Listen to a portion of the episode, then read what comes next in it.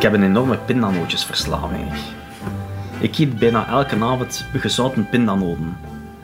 En in een dagstee is dat dan zo wel een appel of een banaan of whatever. Maar ik ga mij nooit niet zetten, niet s'morgens, niet s'middags, niet s'avonds om te eten. Ik kom toe, koffie, koffie, koffie, werken, werken, werken. En ik heb een appel en een banaan zo in uw mond. En dat s'avonds pindanoten. Toch wel opmerkelijk. Altijd voor anderen zorgen en niet voor zichzelf. Een sterrenchef die nauwelijks eet, maar wel altijd aan eten denkt en ervoor leeft. Er stond voor Maria ook steeds een dienblad klaar voor het geval ze zou willen eten s'nachts. En dat evolueerde mee naar gelang de carrière of de diva groter werd. Begon in haar jonge jaren met snoep en dat werd al snel vervangen door champagne en fruit.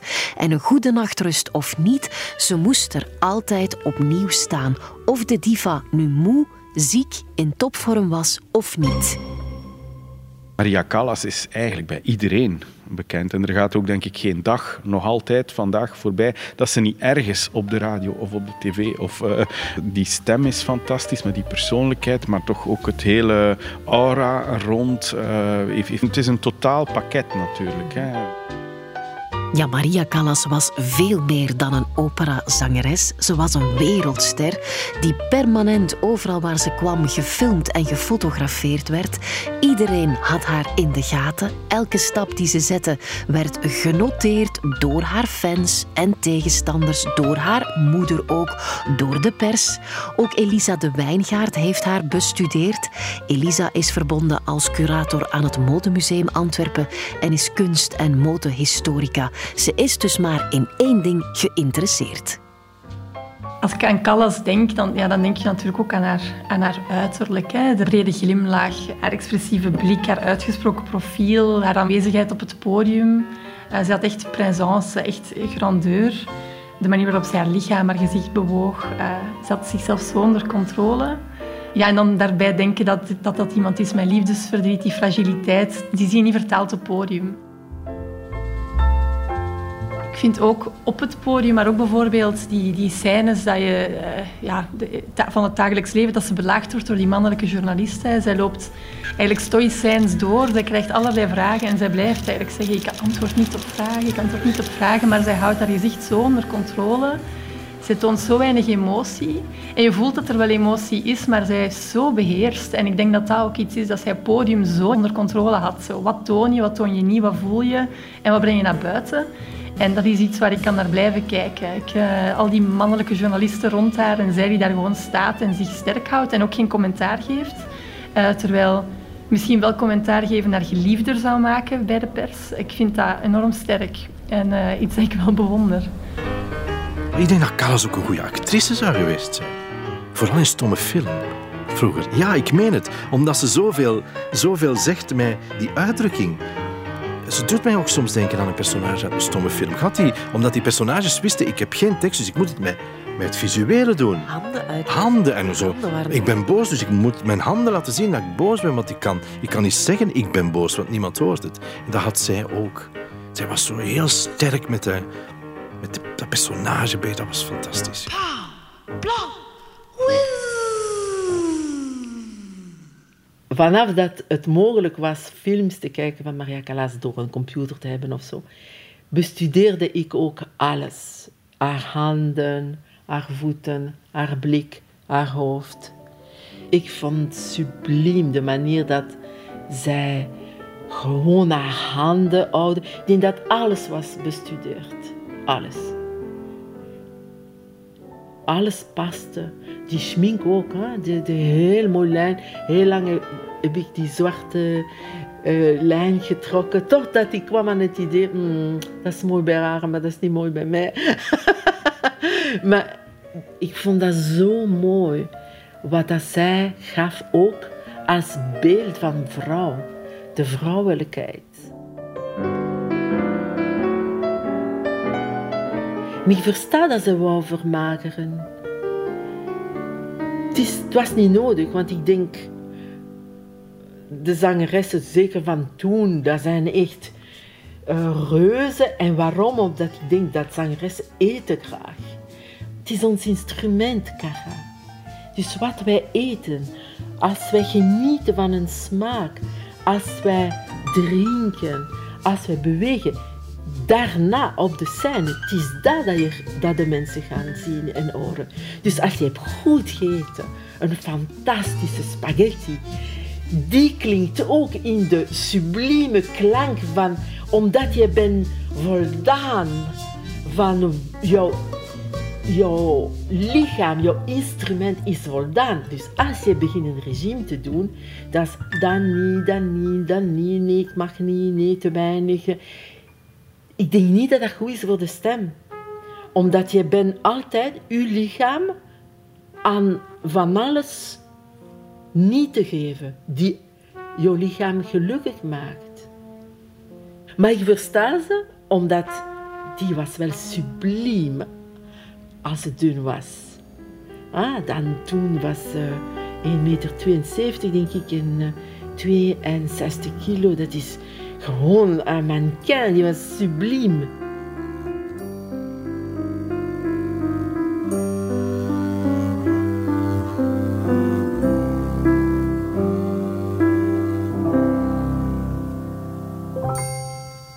Van Maria Callas heb je zo twee beelden. Hè. Ik zie ook zo het meer vollere beeld en dan inderdaad heel magere beeld. Um, dus ik weet ook wel, inderdaad, het doekjes dat ik ooit gezien heb, dat ze ook wel worstelt met haar zelfbeeld. Dat het altijd wel ook zo gebleven is, ook met haar neus enzovoort. Mm -hmm. Dat ze zichzelf eigenlijk niet, niet mooi vond. Dus ondanks de adoratie van anderen, je moet ook wel zelf tevreden zijn met hetgene dat je ziet. Hè. Mm -hmm. Het was ook zo bij Adele. Adele is ook heel veel afgevallen. Er waren ook heel wat fans kwaad, hè, omdat ze eigenlijk hun connectie van, ah, iemand die iets voller is en bekend, het is oké. Okay. En dan in één keer zo van, oei, we zijn nu kwijt. Wat is dat hier nu? Oeh, wil je toch gewoon zo bij wijze van spreken een skinny bitch zijn? Weet? De stijl van actrice Audrey Hepburn deed haar dromen. Heel lang was Callas een volle grijze muis, een onopvallende, bijna stijlloze vrouw met grote bril en onzuivere huid. Maar toen ze meer en meer naar parties begon te gaan in de jaren 50 van vorige eeuw, leerde ze er ook belangrijke mensen kennen. Ja, zij is uiteraard een stijlicoon geworden. En ik zou niet zeggen omwille van het feit dat zij zo'n op afwijkende of opvallende stijl had. Maar ze had een heel samenhangende stijl. Haar make-up bijvoorbeeld. Altijd donkere make-up. Um, zij, had, zij contourde haar lippen, uh, aangezette ogen met zo, uh, de eyeliner, een vleugeltje dat omhoog gaat. Uh, vaak ook tulbanden, hoeden, grote juwelen. En zij was eigenlijk altijd echt voornaam opgemaakt. Hè. Haar kledingstijl werd bepaald door één vrouw. Dat was Elvira Leonardi Bouilleur. Dat was een Milanese ontwerpster. Zij had die ontmoet op een diner. En het is die Elvira, die, um, die Bicchi werd zij genoemd. Zij was trouwens de kleindochter van uh, Puccini. Die noemde haar Bicchi, dat was Italiaans voor stout meisje, een kleine voetnoot. En was, haar cliënteel was vooral verbonden aan La Scala, theater. En zij was degene die al die stukken ontwierp voor haar. Um, dus zij heeft dat hele garderobe gemaakt. En zij heeft eigenlijk een soort visie vastgelegd voor de kleding van Maria Callas. Dus als ik vandaag kijk naar wat is de look van Maria Callas, dat is eigenlijk wat Bicchi uh, voor haar uh, geschapen heeft. Dat was een, een groot garderobe dat zij gekregen heeft, met allemaal mantelpakjes, uh, jurken, handschoenen, schoenen, hoeden. Dus dat was eigenlijk een volledig garderobe die heel luxueus was. Iets weg had van een, van een aristocratische vrouw. Het was echt een, een, een soort een klasse die zij uitstraalde. En het is, het is zo dat die ja, zij ontwierp niet alleen haar kleding, zij was ook wel een beetje de styliste. In de zin dat die kleding ook met instructies kwam welke stukken ze kon uh, combineren met elkaar, bijvoorbeeld. Maar op dat moment dat zij begint samenwerken um, met Biki, zie je wel dat het icoon of het status van Maria Callas ook echt verandert naar iemand hè, met veel stijl, een stijlicoon. Het is ook in de periode dat zij veel gewicht verliest, dat daarover wordt gesproken. Haar taille wordt in de verf gezet door die silhouetten. Dus dat is iets dat veel allure uitstraalt, die samenwerking. Dat zie je vandaag ook nog, hè, die, die nauwe samenwerkingen tussen, tussen sterren en ontwerpers en dat die elkaar kunnen versterken. We weten natuurlijk dat zij naar een, een therapie heeft gevolgd in Zwitserland om, om af te vallen. In ieder geval is het zo dat in de jaren 50 dat zandloperfiguur, dat Maria Callas echt typeert, hè, met die, die buste, die heupen, die smalle taille, ehm, dat dat een, een populair modebeeld is. Maar in de jaren 60 verandert dat weer. Hè, wordt dat weer het androgynere beeld, wordt dat nog magerder. Is eigenlijk het ideaalbeeld om als een volwassen vrouw eruit te zien als een tienermeisje, om nog meer te krimpen. Dus ja, die, die veranderingen in die ideale lichaamsbeelden zijn, zijn schadelijk voor, voor heel veel mensen. En voor Maria Callas maakt dat mij triestig eh, als je weet dat ze eigenlijk vanaf de jaren 50 heel haar leven lang op een zwaar dieet is gegaan. Dat zij recepten bewaarde, dat zij hunkerde naar al die mooie gerechten. Terwijl maar ze zo graag at. Ze at heel graag en ze liet zichzelf dan niet meer toe. En ja, dat is enorm triest en dat is iets van alle tijden. En ik denk net zoals dat, dat idee van haar, liefdesverdriet, dat maakt dat mensen zich meer verbonden voelen, is ook dat levenslange um, gevecht met haar gewicht, die, die strijd met haar lichaamsbeeld, is ook iets dat mensen met haar verbindt. Dat is iets dat mensen fascineert. Ze werd mooier en mooier en ze zong nog meer als een godin. Stel je voor een applaus van vier minuten, nog voor je ook maar één noot gezongen hebt. Puur dus om wie je bent. Een dirigent die meermaals moest aftikken om te laten voelen dat hij nu toch wel eens wilde beginnen. En dan na de voorstelling nog tot 16 keer teruggeroepen worden. Een voorstelling die al bijna één uur langer geduurd heeft dan normaal door alle tussentijdse applaus en dan ook nog eens zoveel op het einde. Maar om wie klappen ze dan eigenlijk echt? Om je prestatie? Of om wie je bent? En de druk wordt alleen maar groter en groter en de verwachtingen hoger. Ik heb dat ook allemaal gekregen, brieven van mensen die ah, ik ben verliefd op jou, ik stel je, je mag met mij naar Zweden komen vanaf, uh, ik, ik ga je alles geven wat je ermee je denkt, wat is dat nu, wat is dat nu?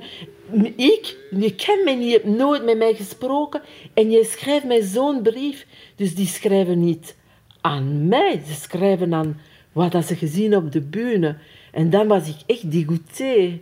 En ik denk dat dat is bij haar gekomen. En spijtig genoeg, of niet, ik denk dat zij wel geloofde in de grote liefde en klaar was van stoppen te zingen om een grote liefde te kunnen leven.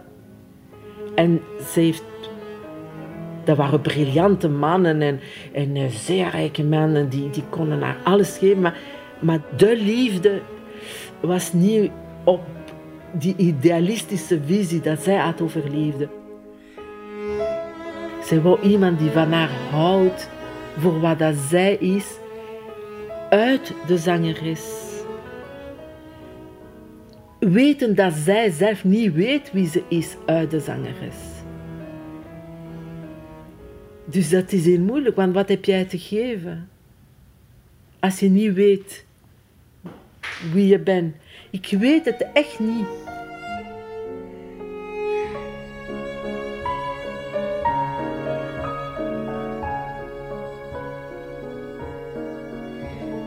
En waarschijnlijk is heel de diva Callas op de scène, dat ze voor die roeping gekozen heeft, is ook voor een stuk hunkering, denk ik, naar de liefde. De aandacht, uiteraard ook, maar ook hunkering naar de liefde. Een soort van, kijk wat ik kan, hou van mij, zie mij graag.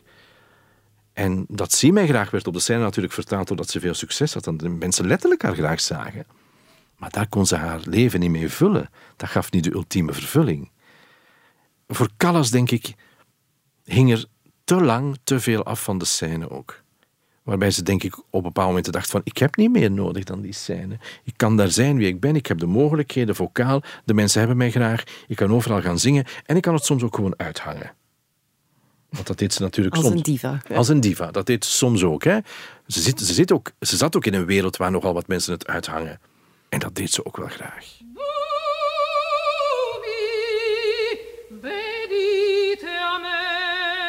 Divas zijn anders. Een diva die, die wordt wel diva en die krijgt de bekendheid, maar die heeft ook wel een enorm programma van studie en van overgave en al dat ze daarvoor over heeft. En daarom komt die soms een beetje diva over, doordat ze niet zo makkelijk zijn. Maar ik vind dat niet erg, mensen die niet makkelijk zijn.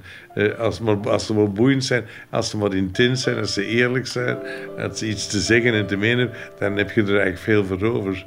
Het is maar mensen die would-be zijn of die iets willen zijn dat ze niet zijn. Dat is heel vervelend.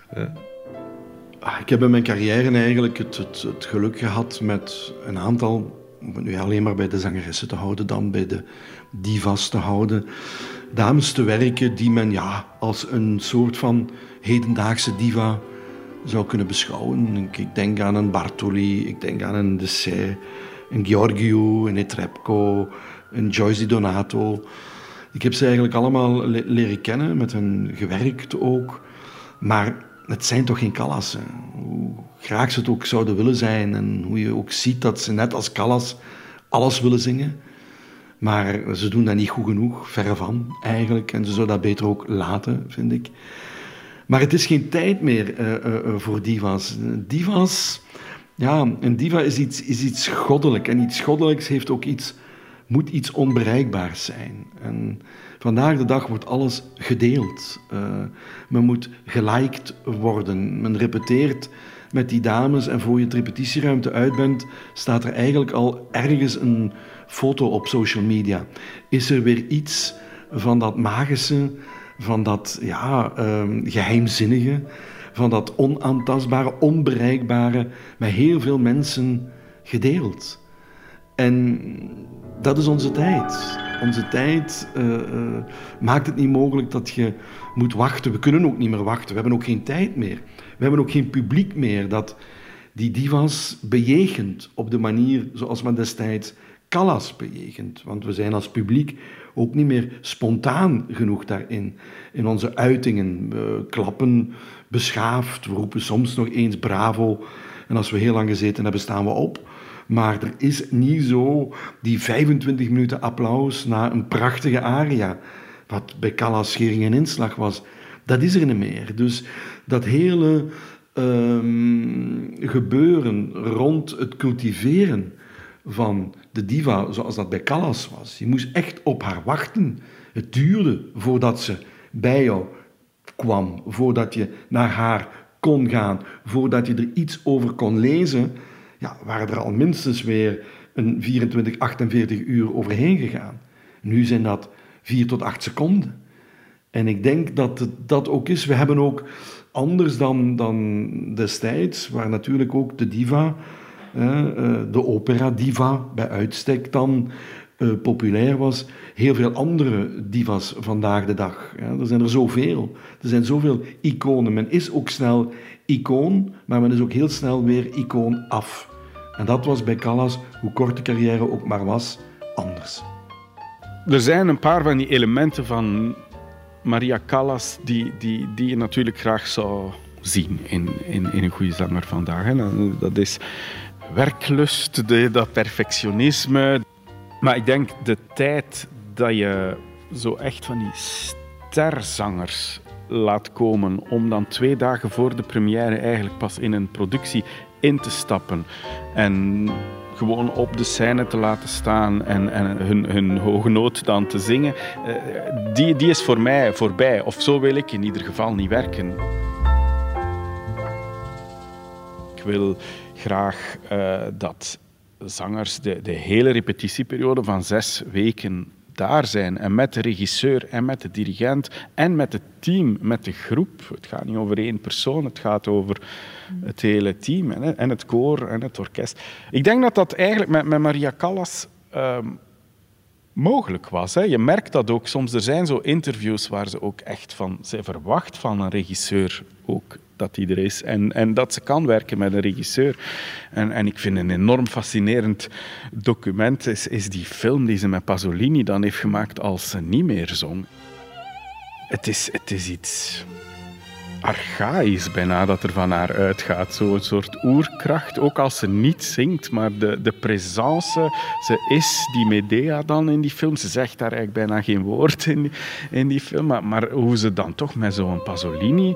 En dat vind ik gewoon belangrijk, dat, dat, dat goede zangers zijn echt kunstenaars, zijn acteurs, zijn... Maria Callas is daar toch echt iemand geweest die, die die daar een belangrijke stap heeft ingezet in, in, om dat, dat bewustzijn bij, bij een breed publiek te, om het open te breken. Uh, ja. ja. dus het zindert vandaag toch nog na. Dat voel je toch? Ja, ik denk wel echt dat, dat opera er vandaag ook zou anders uitzien, moest zij er niet geweest zijn.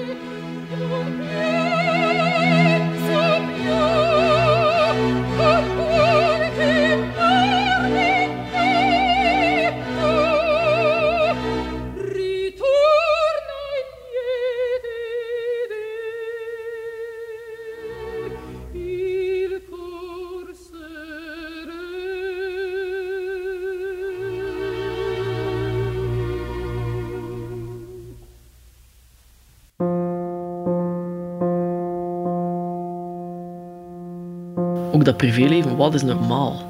Als je al zo snel in de spotlight staat, ja, wat, wat is dan eigenlijk een normaal leven?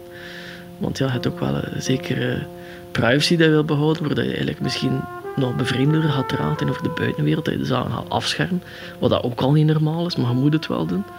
En vaak voor echt bekende mensen, zoals Maria Callas, zijn normale dingen al uitgesloten.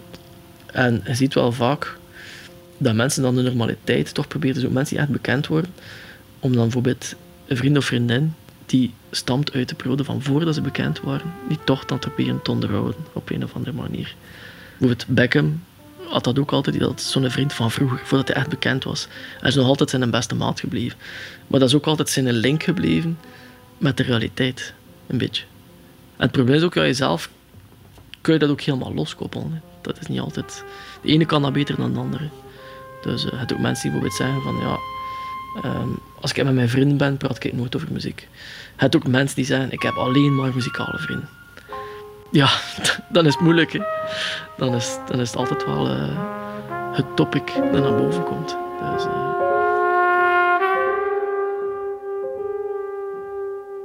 Iets waar ik, waar ik wel vaker over nadenk de laatste tijd, is het idee dat, dat je als vrouw en als ster altijd kwetsbaar moet zijn. Je moet je altijd uitleggen je kan wel een overwinning hebben, maar je moet dan precies ook op Instagram toegeven dat het toch wel moeilijk was en dat, het, dat je toch ook moeilijke periodes hebt gehad of dat je mentale problemen erbij hebt. En ik denk dat er vandaag wordt het precies niet meer gegund aan, aan vrouwelijke sterren om gewoon te scoren, gewoon krachtig te zijn. We verwachten meer, we verwachten menselijkheid. Maar dat komt natuurlijk ook met jezelf blootgeven. En ja, dat, is, dat is iets dat Maria Callas nooit heeft gedaan. En uh, dat bewonder ik. Ik denk dat we willen dat sterren dichter bij ons staan. Ik denk dat mensen verwachten dat ze zichzelf herkennen in een ster. En als iemand natuurlijk een grote afstand creëert en niet in zijn kaart laat kijken, is dat moeilijker. En ik denk dat bij Maria Callas, die, haar lichaamsgewicht en dat liefdesverdriet, dat waren de ingangen die mensen vonden naar haar persoonlijkheid. Dat waren eigenlijk de twee poorten waarin mensen zichzelf probeerden te herkennen bij haar.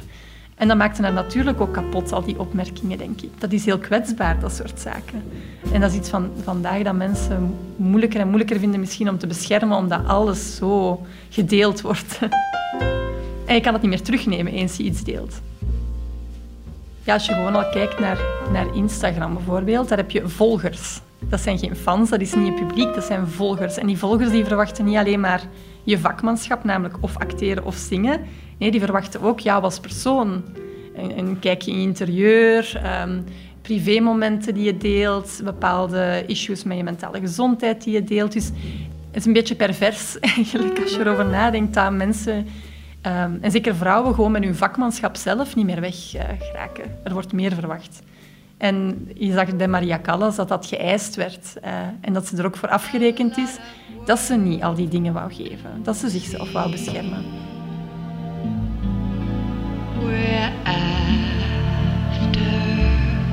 Mensen die geen angst kennen, zullen nooit veel bereiken. Een van de uitspraken van Maria Callas.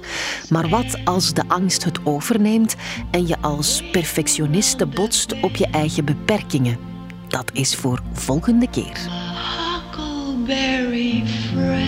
Denk je dat de Callas toch een beetje de fout gemaakt heeft om te denken dat die theatrale passie, die passie die ze ervaarde op de scène, dat ze dat ook persoonlijk kon ervaren? En dat hij op een bepaald moment ook echt zich afgevraagd heeft van hoe kan ik nu inderdaad die grote artiesten zijn en blijf, verwacht dat van mij, En aan de andere kant toch ook een soort privéleven hebben dat daar, dat daar tegenover staat en waar ik het geluk kan in vinden.